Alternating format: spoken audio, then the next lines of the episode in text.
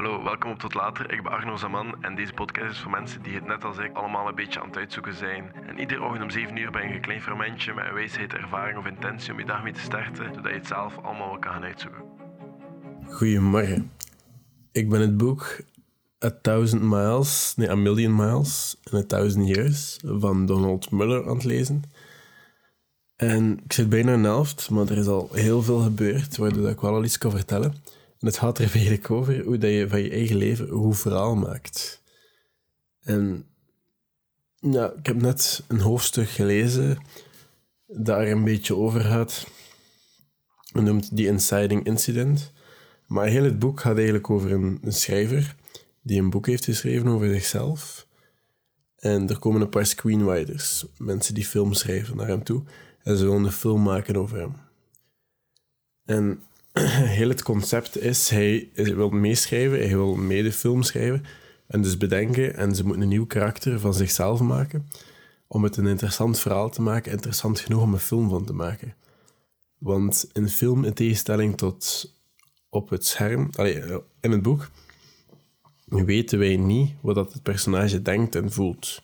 We weten enkel wat hij zegt, wat hij doet. Hij kan dat een beetje reflecteren op het echte leven. Naar als hij iets zegt en doet, dan weten andere mensen dat. Maar mensen weten niet wat hij voelt of wat hij denkt. Dus als je iemand graag ziet, of als je iets wilt zeggen tegen iemand anders, of vindt dat hij goed bezig is, dan moet je dat ook gewoon soms zeggen, want die persoon weet dat niet altijd. Want de verhalen die we vertellen tegen onszelf zijn vaak anders dan de verhalen die we vertellen tegen de wereld. En dat is bijvoorbeeld iets dat ik heb geleerd uit dat boek, of nog een keer herinnerd was om dat te onthouden. En ik vond dat wel heel nuttig. En ja, in dat boek is die schrijver aan het leren van wat is een goed verhaal en een karakter moet verschillende obstakels tegenkomen omdat hij iets moet willen. En dan gaan ze er een beetje, oké, wat wil je? Wat, wat wil dat karakter? Wat wil hij uiteindelijk bereiken? En dan... Ja, een karakter is interessant en er moet in het begin van de film... Je, je karakter moet iets goed doen. Alleen je moet tonen dat hij goed van hart is. Anders gaat de kijker niet keren of dat er dan... Of dat hij zijn doel bereikt uiteindelijk van de film. Dus in het begin van de film moet je tonen dat hij goed van hart is. Maar je moet ook wel wat tegenslagen hebben of wat slechte dingen doen, maar je moet altijd goed van hart zijn. Want uiteindelijk moet hij helemaal veranderen. Een karakter transformeert door zijn obstakels en door zijn journey. En er is in het begin van de film een inciting incident, waardoor dat hij in het verhaal wordt gestuurd. Bijvoorbeeld een explosie in dit geval, of een sociale explosie, waardoor dat hij van stad moet verhuizen of weg moet gaan. En de scène dat ze uiteindelijk schrijven, is hij aan het zijn niet echt spoilers hoor. Het is een non-fictieboek. En het boek is zodanig goed geschreven en ik vertel eigenlijk zodanig weinig van het boek. Ik raad het iedereen aan. Maar ja, in de scène dat ze geschreven hebben, is hij ontslaan op zijn stuur en moet hij weg. En dan is het een beetje nadenken. De schrijver zelf, eh, de persoon zelf van het boek, die ehm, wil zijn eigen leven dus ook wat interessanter gaan maken. En hij creëert zonder dat hij het weet ook een inciting incident voor zichzelf om een verhaal te starten. En om een beetje beeld te geven, hij is overgewicht. Hij heeft overgewicht, excuseer. Hij is totaal niet gemotiveerd om naar de fitness te gaan. En hij spreekt af en toe, zo een paar keer per week, af met wat vrienden in een vriendengroep. En er zit er een meisje bij waar dat hij geïnteresseerd in is. En hij zou het wel willen daten. Maar hij heeft de moed nog niet gevonden om er tegen te spreken. En een week later of zo, of een tijdje later, krijgt hij een telefoontje van een maat die de bergen in Peru gaat beklimmen. Zo het pad naar Machu Picchu. Super moeilijke route en enkel goede atleten, die hebben daar zelfs moeite mee. En hij zegt, ja oké, let's do that. Want hij mocht gewoon een paar vrienden meepakken. En hij, hij zegt, oké, okay, ga dat doen. Ik ga een keer overlopen met de vriendengroep. En gaat met de vriendengroep en de meisje zit daar terug. En hij zegt, wie heeft er goesting om dat te doen? En toevallig zei en een vriendin zei, ja, ik heb dat altijd al willen doen.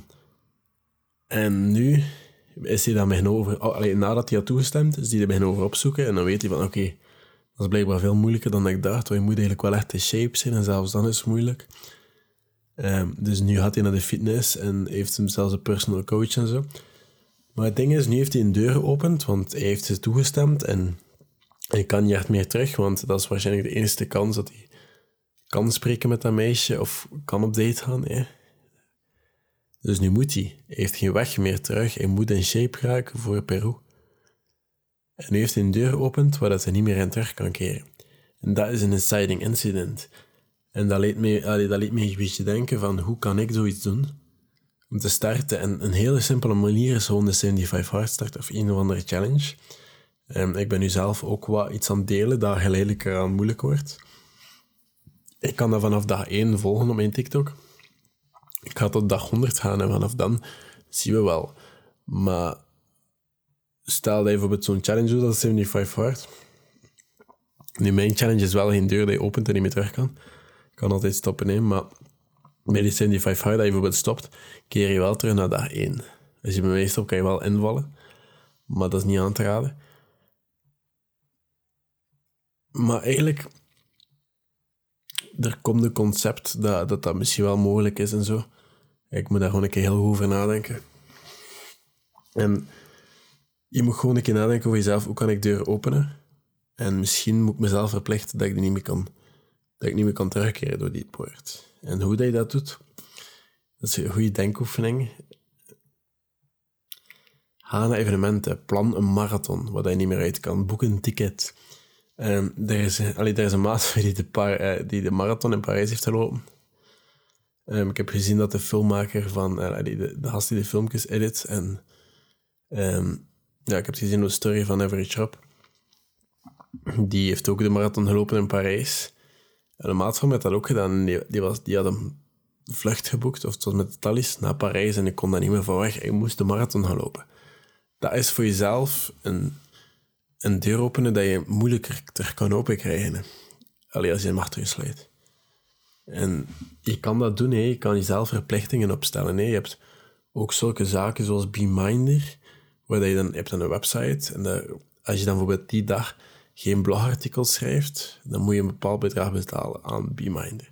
En dat is een beetje accountability voor jezelf opstellen. je kan dat veel dingen doen, maar soms is dat gewoon een denkoefening van oké, ik wil dat doel nu eigenlijk echt wel bereiken, maar hoe kan ik mezelf een beetje verplichten om dat te doen? Om mezelf in het verhaal te werpen. Denk daar vandaag over na. Ik denk dat dat gewoon een heel nuttig verhaal is. Of een concept over na te denken. En dat boek, ja, ik ga er waarschijnlijk wel nog een podcast over maken als ik tijd heb. Maar ik vind het echt aan te raden. Maar dat is voor vandaag. Misschien is het vandaag tijd om een inciting incident voor jezelf te creëren. Als je iets gehaald hebt uit de podcast, kan je het altijd delen in de reviews. Of je kan de podcast volgen op whatever platform je aan het luisteren bent. En dan hoor ik jullie morgen. Tot later.